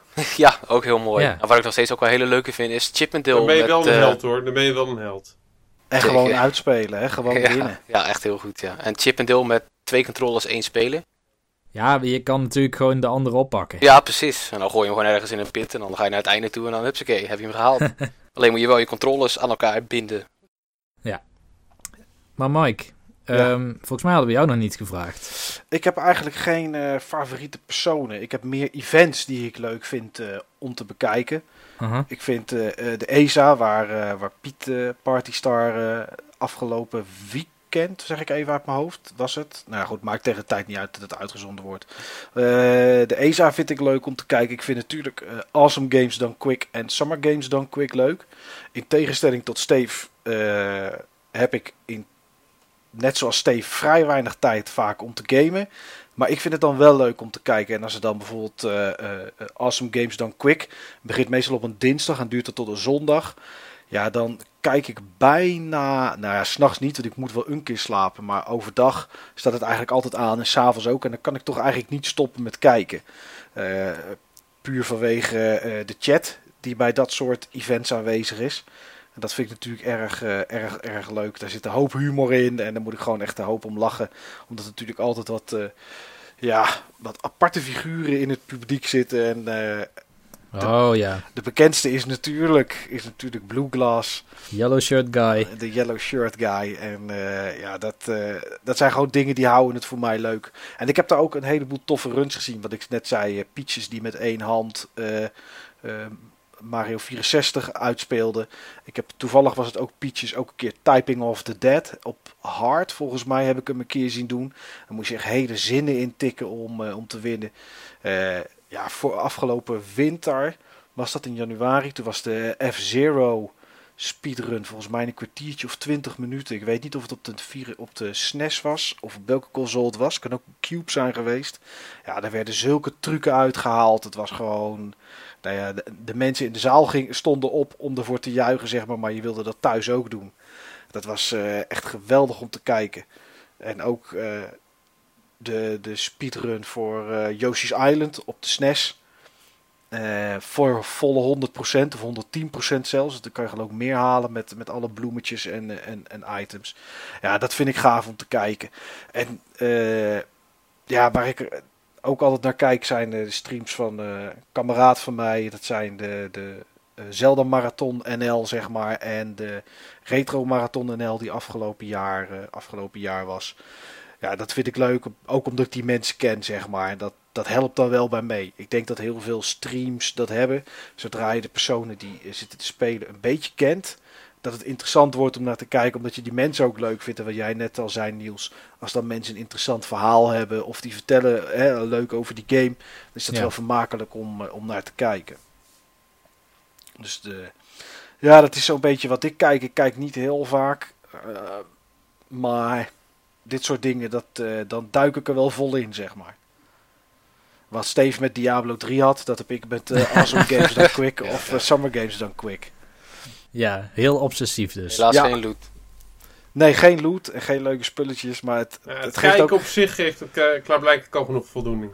Ja. Ja. zeker. Ja. En dan is het echt van s ochtends, eh, van 's ochtends 7 tot, eh, ja, tot 's avonds een uur of 12 staat het sowieso aan. En ja, de niet interessante games, nou goed, daar kijk ik dan maar niet naar. Maar eh, ah, het is interessant om te kijken. Het is nog wel leuk trouwens voor de trivia. Voor deze aflevering zit een, eh, een audiofragment ge- gemonteerd. En dat is van de Mario Marathon. Oh ja, Namens Buttonbashers hebben we ook wat gedoneerd aan de Mario Marathon. Dat is een uh, groep mensen die spelen elk jaar ongeveer alle mainline Mario games uit. En mensen doneren om de volgende, het volgende level te unlocken. En uh, dat is iets waar ik wel een aantal jaren al naar kijk. En zij doen dat geloof ik voor um, uh, Child's Play. Klopt. Oké. Ook een goed doel. Zeker weten. Ja. Maar zullen we het dan meteen maar even over jouw goed doel gaan hebben? Of jullie goed doel moet ik eigenlijk zeggen, Martijn. Ja, dat uh, vind ik prima. Dat sluit wel mooi aan natuurlijk. Absoluut, het is een uh, mooie brug. Nou, vertel maar, het is de tweede keer dat je dit doet? Ja, klopt. Wij gaan, uh, in dit geval wij bedoel ik Baksteen 666, aka Paul en ik, mm -hmm. een 24 uur marathon houden. Met alleen maar NES games. Dit hebben wij vorig jaar ook gedaan. Ja. En toen hebben we het uh, voor de dierenbescherming uh, gedaan en hebben we uiteindelijk 718 euro opgehaald. Namens alle lieve mensen die daarop hebben gedoneerd. Nogmaals, nou, heel netjes. Ja, echt nogmaals, ja. nogmaals heel erg bedankt. Zeker voor uh, de grote gulden donaties van Steve en Dandy in het algemeen. En met Steven bedoel ik trouwens andere Steven. No offense, Steve. Nee, ik, ik, dat weet ik. Ik denk okay. zo'n grote, zeg maar de beheerder van Palrock. Zeg maar het vorige forum waarop dat stond gedeeld. Ja, klopt. Die, uh, die had aardig uh, ruim gedoneerd om het spel te trekken. Ik heb ook uh, gedoneerd, maar niet zo ruim als Steven. Die had ook wel een hele gulle donatie klaarstaan. Klopt, ja. Maar ook ja. die van jou zijn we heel dankbaar hoor, Steve. Ik heb twee keer gedoneerd. De laatste donatie wilde ik om even een prijs weg te snipen, maar de RNG was niet in mijn voordeel. nee. En we hebben ook nog een keer gedoneerd namens Buttonbashers. Volgens mij heb ik ook twee ja. keer gedoneerd zelf en één keer namens Buttonbashers. Maar... Dat klopt, ja. ja. Bionic Commando volgens mij. Goed, in ieder geval. Uh, we gaan dus nu dit jaar weer een 24 uur marathon houden. En die wordt op dezelfde locatie gehouden als de vorige keer. Dat is bij Paul thuis. En het goede doel waar we dit keer voor gaan, nadat we de stemmen hebben geteld, is de Kika. En ja. de Kika is gewoon uh, een hele goede stichting uh, die kinderkanker probeert weg te werken. Of in ieder geval onderzoek ernaartoe te plegen om dat op een goede manier op te lossen. En de kinderen te ondersteunen erin. Ja. En daarnaast moet ik eigenlijk nog onderzoeken waar ze het allemaal, wat ze allemaal doen. Dat heb ik eigenlijk nog te weinig over geïnformeerd. We gaan in ieder geval wel Kika erover informeren dat wij hiervoor gaan streamen. Mm -hmm. wij gaan ook een leuk donatiesysteem wederom opzetten, net als vorig jaar. Alleen kun je nu wel minimaal 1 euro doneren in plaats van 5.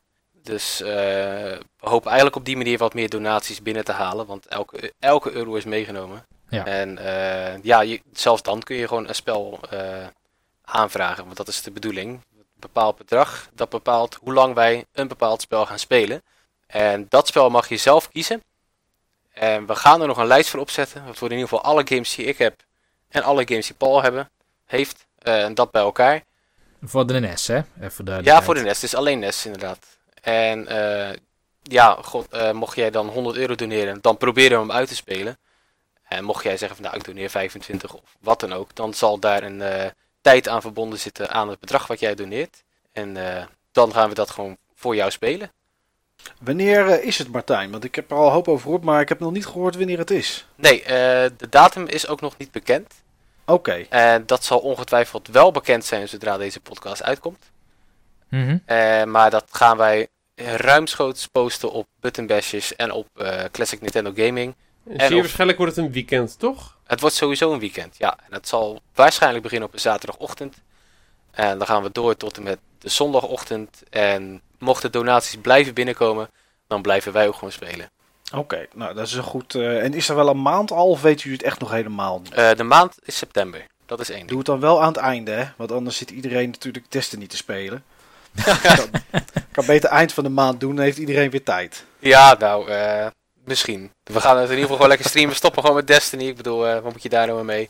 Gewoon lekker kijken. Ja, uh, daar heb je wel, daar heb je wel gelijk. Maar nu we het erover hebben en uh, wat veel mensen interesseert, ook op het, uh, op het Buttonbashers forum, is wat gebruiken jullie of hoe doe, je, hoe doe jij streamen, Martijn? Is het hardware die je er extra voor aangeschaft hebt? Zit je met 6000 kabels? Is het heel ingewikkeld? Kan je daar iets, iets over vertellen? Want zoals ik aan het begin al zei, met de PlayStation 4 is het een kwestie van op een knopje drukken en is het klaar. Eh, op de PC heb je hele simpele software die het kan. Tegenwoordig kan, eh, als je een beetje sterke Nvidia kaart hebt, zit er gewoon in de Nvidia software Shadowplay. En die zet je aan en dan, eh, dan stream je live. Ja. ja, ik heb zelf een, een Howpage HD Gaming Pro 2. Die kan ik aan mijn PlayStation 3 aansluiten of aan mijn Xbox eh, 360. Ook aan de Xbox One. Eh, PS4 kan het tegenwoordig ook. En daar kan je eigenlijk direct mee streamen. Maar dat is allemaal vrij simpel. Dat is kabeltje erin, eh, software draaien aan, aan, een- aan een laptopje en gaan. Maar zo makkelijk is het niet volgens mij als je met oude consoles aan de slag wil. Nee, nou op zich valt het wel mee. Eh, het enige wat je nodig hebt, in, mij, in mijn geval tenminste, want ik sluit alleen mijn NES aan en dat eh, gebruikt gelukkig alleen maar SCART. Eh, ik gebruik een Dessel 101 HD, zeg ik zo uit mijn hoofd. Eh, een Dessel is een USB capture device. Oké, En die kan dus super simpel gewoon aan je laptop direct worden aangesloten. En daar zit gewoon een softwareprogramma bij. Dat installeer je. En je bent in principe klaar om je Dessel te gebruiken. Eh, het enige ingewikkelde eraan is, is dat je een tulpstekker splitter moet gebruiken voor je Dessel. Want die wil natuurlijk wel het signaal van je tv eh, wil je zien als zowel dat het op de computer te zien is. oké. Eh, En daarmee heb je waarschijnlijk wat kwaliteitsverlies. nee, dat valt dus ook wel heel erg mee. Oké, dat is mooi. Misschien dat dat te maken heeft met dat het een oude console is. Dat weet ik niet. Ja, slechter kan het natuurlijk bijna niet als je naar de NES kijkt. Nee, precies. Dat, is, dat zijn alleen maar pixels die die een beetje moet doorzenden. Dus eh, dat lijkt me geen moeite. Maar eh, nee, ja, je moet gewoon ervoor zorgen dat, eh, dat dat gewoon goed wordt doorgezonden. Dus je moet even opletten dat je de ene kabel natuurlijk naar de tv gaat, naar je Dessel. En de andere van de Dessel naar je spelcomputer.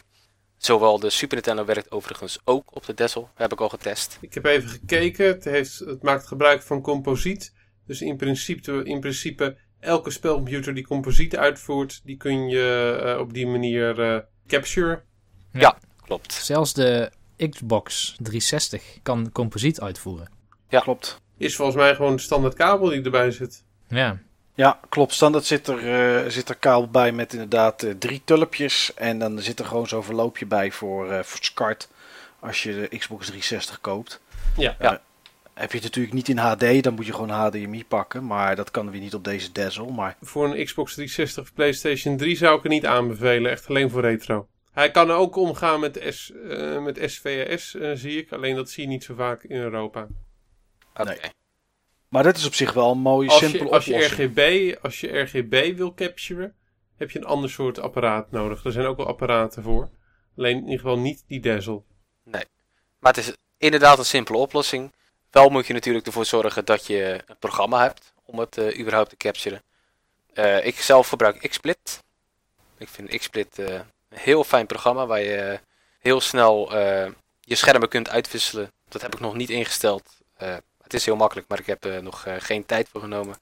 Dat je bijvoorbeeld, als je even weggaat, dan zet je een schermpje BRB en dat zie je dan heel groot. En dan klik je op de volgende knop en dan heb je je stream weer openstaan. Dat werkt gewoon hartstikke goed. En dat kan je ook koppelen overigens aan je Facebook, aan je Twitch, aan eh, Twitter en aan Ustream kan dat ook. En het is gewoon met een klik op de knop en hup, je bent er online. Dus dat werkt echt fantastisch. Eh, het enige wat je niet moet doen is naar je computer kijken als je aan het spelen bent. Want eh, daar heb je, ik denk, iets van een, bijna een seconde vertraging. Dus je moet gewoon wel naar je tv kijken, want anders gaat, het, gaat het niet goed. Logisch. Ik heb eventjes gegoogeld. Als je RGB wil capturen, dan heb je eigenlijk een apparaatje nodig dat RGB omzet naar HDMI. En dan kun je zo'n apparaat gebruiken, zoals Mike bijvoorbeeld ook gebruikt. Oké, nou dat is op zich ook wel een, eh, een mooie oplossing natuurlijk. Maar volgens mij is daar als je van NES tot PS, nou PS4 kan direct, maar tot Xbox One wil streamen, dan is er volgens mij niet één apparaat dat alles kan. Waar je alles op kan aansluiten. Als ik naar die, eh, naar die marathon zou kijken, dan zie ik ook vaak wel meerdere oplossingen eh, die ze, die ze gebruiken. Waarschijnlijk eh, gaat het met meerdere oplossingen makkelijker. Ja. Met zo'n ding zoals jij gebruikt kun je in principe wel alles streamen. Alleen zul je altijd apparaten ertussen nodig hebben om bepaalde dingen naar het juiste format toe om te zetten. Wat om te streamen ook handig kan, eh, kan zijn, is een Retron 5. Ja. Want die voert, H- die voert HDMI uit en dan kun je zeg maar heel veel verschillende spellen inzetten. Ja, dat is natuurlijk ook altijd nog een oplossing om, eh, om, eh, om te doen. Ik weet alleen niet hoe makkelijk daaraan te komen is. Hier, eh, hier in Nederland. Het valt nu nog tegen. Ik verwacht wel dat het iets beter zal worden, maar het valt nu nog tegen. Ja, Of ik ik beter, zag, gezegd, beter gezegd, slecht. ja. Ja. En ik zag dat die Dazzler, eh, dat je die voor een eurotje of 80 wel, eh, wel op de kop kan tikken. Nou, dan moet je nog iets aan kabeltjes erbij hebben. Dus waarschijnlijk ben je voor een eurotje of, eh, nou, wat zal het zijn? Onder de 100 euro moet je toch wel klaar zijn, denk ik, Martijn. En eh, je, hebt niet, Ja. je hebt niet per se een Dazzle nodig hoor. Je kan ook Nee, gewoon een nee. goedkoop dingetje gebruiken van de Conrad om zo, om, eh, of zo, om uit te proberen of het iets voor je is. Nou, Ja. mijn, nieuwe, mijn nieuwe Dessel die had ik gekocht voor eh, 55 euro. Oké. Die was gewoon helemaal nieuw in doos. En nou, dan koop je er nog tulpsplittertjes bij. Die kosten eh, 3 euro per stuk. Nou, tulpstekkers, daar heeft waarschijnlijk iedereen er nog 634 van liggen. Ja. Nou, dan ben je, dan ben je al klaar. Dat is het. Dus, eh, Ja. Nee, ik weet wel dat ik... Ik heb ooit een keer een, zo'n soort device gekocht, ook voor, eh, voor USB. En waar, eh, eh, waar Tulp uitkwam. En dat was om... eh, het doel was daarmee om videobanden over te zetten naar, eh, naar iets digitaals. Ja. En dat was een dingetje van twee tientjes. Ik kan je wel vertellen, dat heb ik nooit aan de praat gekregen. Oké. Dat, eh, dat werkte echt voor geen meter. Dus Oké, dus hierbij geldt ook goedkoop is duurkoop. Ja, in dit geval, eh, in dit geval wel. Ik moet wel zeggen dat een apparaatje is van, ik denk een jaar of zes, zeven geleden. Dus ook de goedkopere zullen inmiddels wel wat beter geworden zijn. Maar als je toch denkt van, ik ga het doen. Nou, dan zou ik er toch wel even iets, iets meer euro's voor neerleggen. Ik denk dat ook een belangrijk component is gewoon de software. En die Dazzle is geloof ik van Pinnacle, zo uit mijn hoofd. Ja.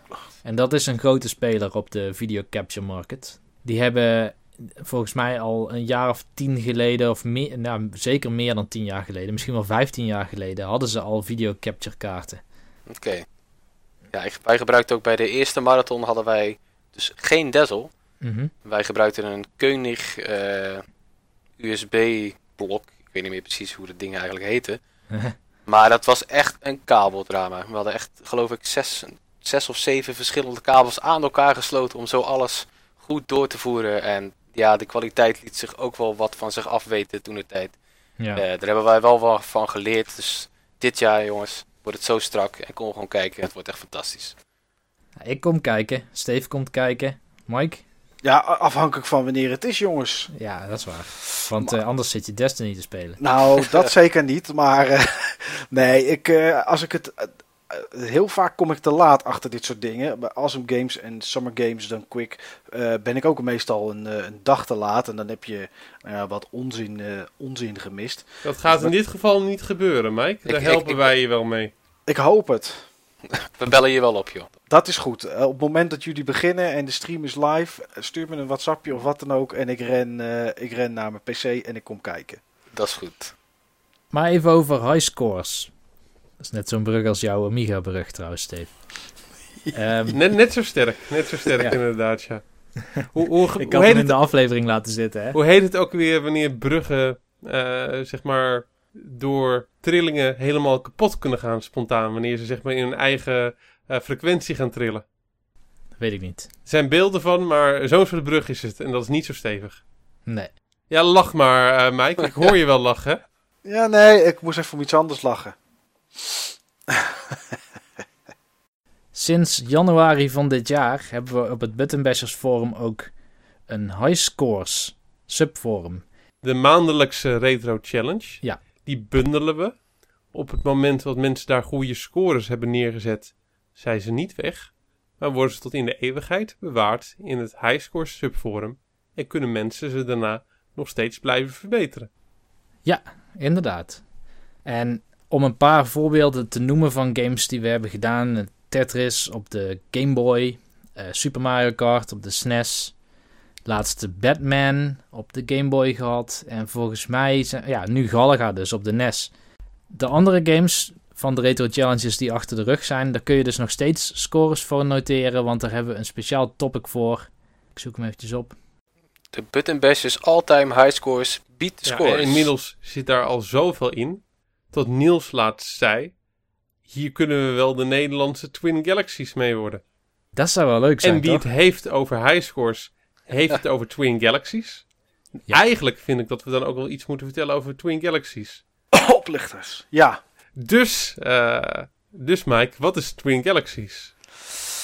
Ja, dat is een beetje dubbel, eh Steve, om dat aan mij te vragen. Ik heb het niet zo op Twin Galaxies. En ik kan ook uitleggen waarom. Dat komt door Walter, de man die het ooit begonnen is. Ik weet even niet in welk jaar dat is Dat is geweest. een hele enge man. Ja, dat is een hele enge man. En die doet op zich goed werk voor de game community. Maar iedereen die ooit naar eh, King of Kong heeft gekeken. De, de documentaire over eh, Donkey Kong tussen Steve Wiebe en eh, Billy Mitchell zal zien dat het een, een hele nare man is. Maar goed, Twin Galaxies houdt wereldwijd scores bij die ingezonden worden ja, van arcadekasten, van gewoon games die op de NES of de SNES worden gespeeld. En ja, sta je daar op nummer 1, dan ben je in theorie de wereldkampioen. Maar inmiddels zijn er ook heel wat andere websites die scores eh, bijhouden. Dus ik weet niet of Twin Galaxies nog echt zo groot is als dat het was een tien jaar geleden. Maar ja, in principe is het een soort, eh, ja, god, een soort FIFA, zeg maar. Eh, wat FIFA is voor voetbal, is Twin Galaxy eigenlijk voor, eh, voor, voor gaming. En dan met name games waar je high scores kan halen. Geen GTA of geen, eh, geen Destiny of, of wat dan ook. Het gaat echt puur om de games waar de score, ja, de Ja. score telt. Score-based games, vooral met een flink retro karakter. Ja, En een doorgaans. enkele moderne, moderne game met een retro touch. Als je, als je er maar een high score bij kan halen, moet je het inzenden. En voorheen, en dat zie je ook in die documentaire King of Kong, zie je dat eh, ja, er werden mensen stuurden gewoon bijvoorbeeld videobanden op dat ze tien uur achter elkaar hadden zitten spelen. En ja, die moesten hun helemaal nakijken om te zien of het wel officieel was gegaan volgens de regels die, eh, ja, Joost mag weten wie ooit heeft opgesteld. En er zaten een paar hele twijfelachtige figuren tussen die dat dan zaten te checken. Ja, ja, ja, dat waren, er zaten, eh, wat je in documentaire ziet, die gasten van Twin Galaxies, dat zijn niet de, de, de mensen aan wie je vraagt of die een avondje op je kinderen willen passen, zeg maar, als je dat Nee. op de bioscoop wil. Nee, ik, eh, ik denk tot eh, de gemiddelde eh, scheidsrechter van Twin Galaxies iets hoger op eh, de autisme chart scoort dan gebruikelijk. Ik ken Twin Galaxies trouwens echt helemaal niet. Oké, heb je ook nooit King of Kong gekeken dan, Martijn? Nee, die heb ik nog steeds niet gezien. Shame on you. Ik weet het ja. Dan gaan we die een keer kijken. Ik heb hem. Net als de Ecstasy of Order. Ja, heb ik dat, ook was, gekeken. dat was de volgende vraag, of je die wel gezien had. Oh ja, die heb ik ook nog niet gezien. Dat is eh, ook Chasing. Games Beyond the Arcade. Ook niet. Indie Game Die, The die is recenter, toch? Ook niet. Die is recenter, ja. Kun je daar wat over vertellen, eh, Niels? Want die ken ik ook niet zo goed. Is Over het welke? eh, Chasing Ghosts is het volgens mij, toch? Niet Chasing Games. Nee, Ja, Chasing ja, Ghosts. sorry, het is Chasing Ghosts Beyond the Arcade. Ehm, dat gaat over eh, Pac-Man en dat gaat dus weer over Billy Mitchell. Ja, eigenlijk, hij, hij kwam na King of Kong volgens mij, of niet Ja. uit. Het is eigenlijk een soort vervolg. Tenminste, dat gevoel had ik altijd als je hem keek. Eh want er zaten best wel, wat, eh, best wel wat gezichten in die je ook in King of Kong tegenkwam. Klopt, ja. Het is, je kan het als een sequel zien. Ja. Nee, ik heb eh, toevallig onlangs heb ik er een topic aan gewijd op, eh, op In The Game. Eh, over de vijf beste die, die ik vind om te kijken. Dat was in ieder geval King of Kong. Ecstasy of Order. Indie Game The Movie. Ik ben helemaal niet zo'n indie game Die is heel nieuw, toch? Die is vrij nieuw. Die is uit 2012. En die richt zich voornamelijk op Fast, Braid en Super Meat Boy. Eh, wel zeker interessant om te kijken. Eh Tilt the Battle to Save Pinball. Ja, ik heb nou eenmaal iets met pinball machines. Vind ik erg gaaf. Ehm, er staat ook een grote docu van Videogame Invasion, The History of a Global Obsession. Uit 2004 zeg ik uit mijn hoofd. Gepresenteerd door Tony Hawk. En die neemt je zeg maar helemaal mee in, eh, in, in de wereld van de videogames van niks tot aan wat het op dat moment is. En de laatste die uit is gekomen, eh, maar die vind ik niet zo heel erg sterk, is een week of twee geleden. Dat is volgens mij gewoon Videogame The Movie. En eh, Oh ja, die bedoelde, die bedoelde ik. Ik dacht dat je die had. eh, Oh, oké. Ja. nee, die heb ik wel gezien, maar vond ik niet zo heel sterk. Het gaat behoorlijk van de hak op de tak. Dus, maar er komt natuurlijk binnenkort één aan, hè? Een nieuwe, een nieuwe documentaire. Eh, dat is die eh, waar Microsoft natuurlijk geld in heeft gestoken. Atari Game Over. Die. eh, Ja, en dit gaat natuurlijk ook vooral over die opgravingen van, eh, van al die cartridges. Er is ook nog een hele mooie van eh, Defender. Oké, die heb ik niet gezien. Ik kan me niet die naam herinneren. Maar dan koopt iemand zo'n Defender arcadekast. En die blijft dan maar oefenen om, eh, om live ergens die, die topscore neer te kunnen zetten. Maar die kast die crasht de hele tijd. Dus zij is voornamelijk bezig met onderhoud in die, eh, die documentaire. Dat klinkt niet zo heel erg interessant als ik eerlijk ben. Eh,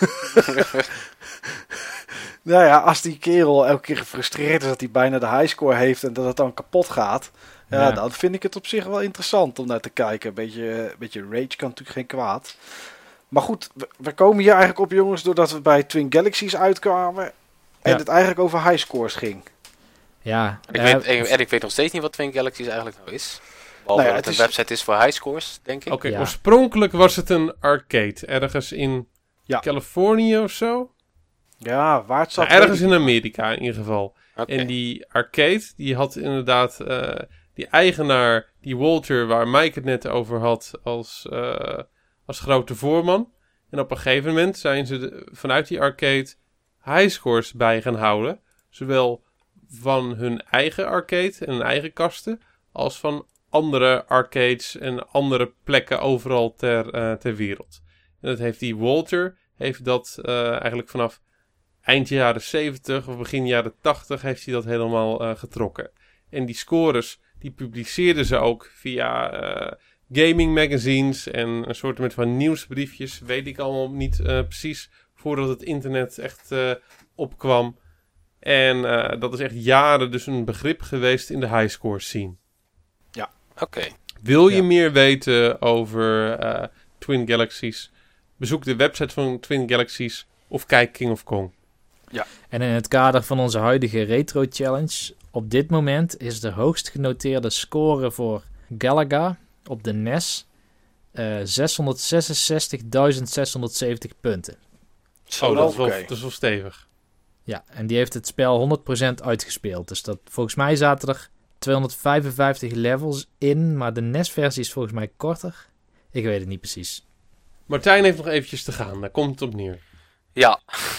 Dat eh, wordt eh, aardig vechten voor om zo'n score te halen. Dat denk ik ook wel. Ik, eh, nou, misschien iets leuks voor de marathon. Ja, maar ik moet zeggen, dit is een score uit 2008. En op 3 staat een, eh, een score die Martijn volgens mij al heeft ingehaald. Eh, die staat namelijk op 137.000. Oh, dat is... En volgens mij had jij in de 140.000. Ik had eh 202.000. 202.000, kijk maar. Nou, ik zou zeggen, stuur hem in naar Twin Galaxies. Ja, weet maken ze een documentaire over je. Maar moet je het, eh, moet je Het het wel allemaal video filmen? eh, opname nodig, hè? ik, ja. ik weet wel dat op Paul Rocks eh, Steven, die had echt eh, boven de 300.000 geloof ik. Ik niet, hè? Ik niet. Nee, andere Steven, andere Steven. Had die boven de 300.000? Ja, die had echt een achterlijke monsterscore, ja. Ik ga hem eens een mailtje sturen. hoe, die dat, ge- hoe die dat gedaan heeft. Ja, Nee, of die mee wil doen. Oké. ja en voor mij Super Wouter had ook een hele hoge score, maar dat weet ik niet meer zeker. Maar Twin Galaxies dus, high scores. En, eh, maar je moet het wel filmen. Oké, Dus je moet wel... En op eh, een videoband een VHS-tape insturen. Ja. mag, ik, mag ik niet gewoon mijn stream opnemen? Nee, volgens mij niet. Volgens mij... Stelt niet als mijn hoofd erbij zit, dat het live is? Ja, dat weet ik dan niet. Dat, maar dan zou je de nieuwe regels moeten nalezen. Ja, oké. Als je even een mailtje stuurt naar Walter, komt het vast goed. Dat denk Ja. ik ook. Duurt even voordat hij antwoordt, want hij doet het gewoon schrijven en dan op de post. Want hij is nog vrij oldschool.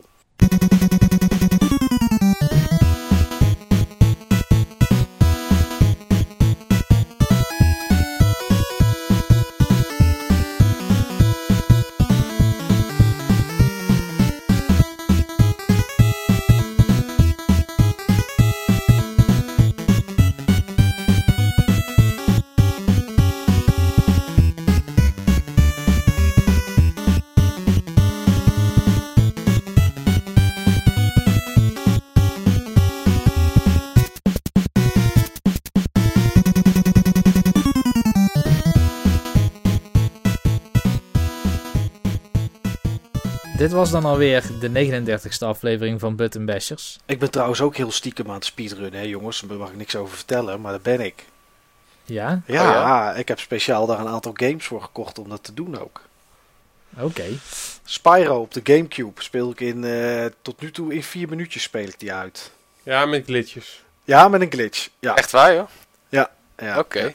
En ik ben bezig om, eh, om Ape, Ape's Odyssey op de PlayStation 1 eh, in ieder geval een 100% zo snel mogelijk speedrun te doen. Wil jij ook niet eh, Harvest Moon op de SNES gaan speedrunnen? Ja, ja. ik heb eh, allerlei games die je in een paar minuten kan uitspelen. En Harvest Moon is daar ook een van. En eentje waar ik echt serieus naar aan het kijken ben is eh, naast Ape is om Pandemonium op de PlayStation 1. eh, Oh, dat, dat zou echt heel cool zijn. Kijk, dat, eh, dat laat mijn hart sneller kloppen. ja, maar het is lastig. Daar heb ik ook eh, echt wat mee, die game. Ja, het is wel lastig. Dus eh, alle respect, eh, Martijn, eh, voor het memorizen en het optimaliseren van, eh, van alles. Terwijl je aan het spelen bent. Dat is echt voor el- elke speedrunner overigens. Maar Ja. behalve voor Blue Glass. Want die, kan, die kan niet speedrunnen.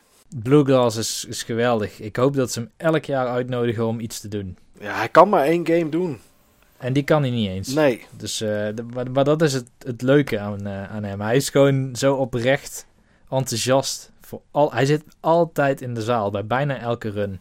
Ja, mensen, doe maar even Google als je niet weet wie het is. Je zal er spijt van krijgen. Ja. Eh, de volgende aflevering van Button Bashers zal gaan over repro's en hardware modificaties. Daar hebben we waarschijnlijk wel weer een gast bij, gok ik. Dat eh, gaan we wel proberen. Dat gaan we proberen. Dat gaan we proberen. Bijzonder bedankt in ieder geval aan de gast van deze aflevering, Martijn. ja, jullie ook heel erg bedankt dat ik hier weer mocht zijn. Eh, graag gedaan. Ik wil ook nog even één ding zeggen. De marathon, 24 uur, wordt gepost. Kom allemaal kijken. Het is voor het goede doel Kika. Eh, steun ons en steun Kika. En als je vergeet te kijken op het forum, geef even je telefoonnummer door. Martijn gaat iedereen bellen, heb ik zojuist begrepen. Klopt, allemaal tegelijk. Gezellig. En heb je zoiets van: ik wil meer van die jongen horen? Martijn heeft twee afleveringen meer met ons opgenomen. Namelijk de allereerste aflevering: NTSC versus PAL verzamelen. Daar eh, was Martijn bij. En aflevering 21, de Doom Retrospective. En eh, vast ook nog wel een aflevering in de toekomst, toch? Absoluut. Als het aan mij ligt wel. Maar natuurlijk ook bedankt aan Steve en Michael. Zoals elke podcast weer. Nou, en nu alvast succes Niels met het editen van dit eh zootje ongeregeld. Daar zal hopelijk de luisteraar niks van merken. Nee. En eh naar iedereen, tot ziens. Tot ziens.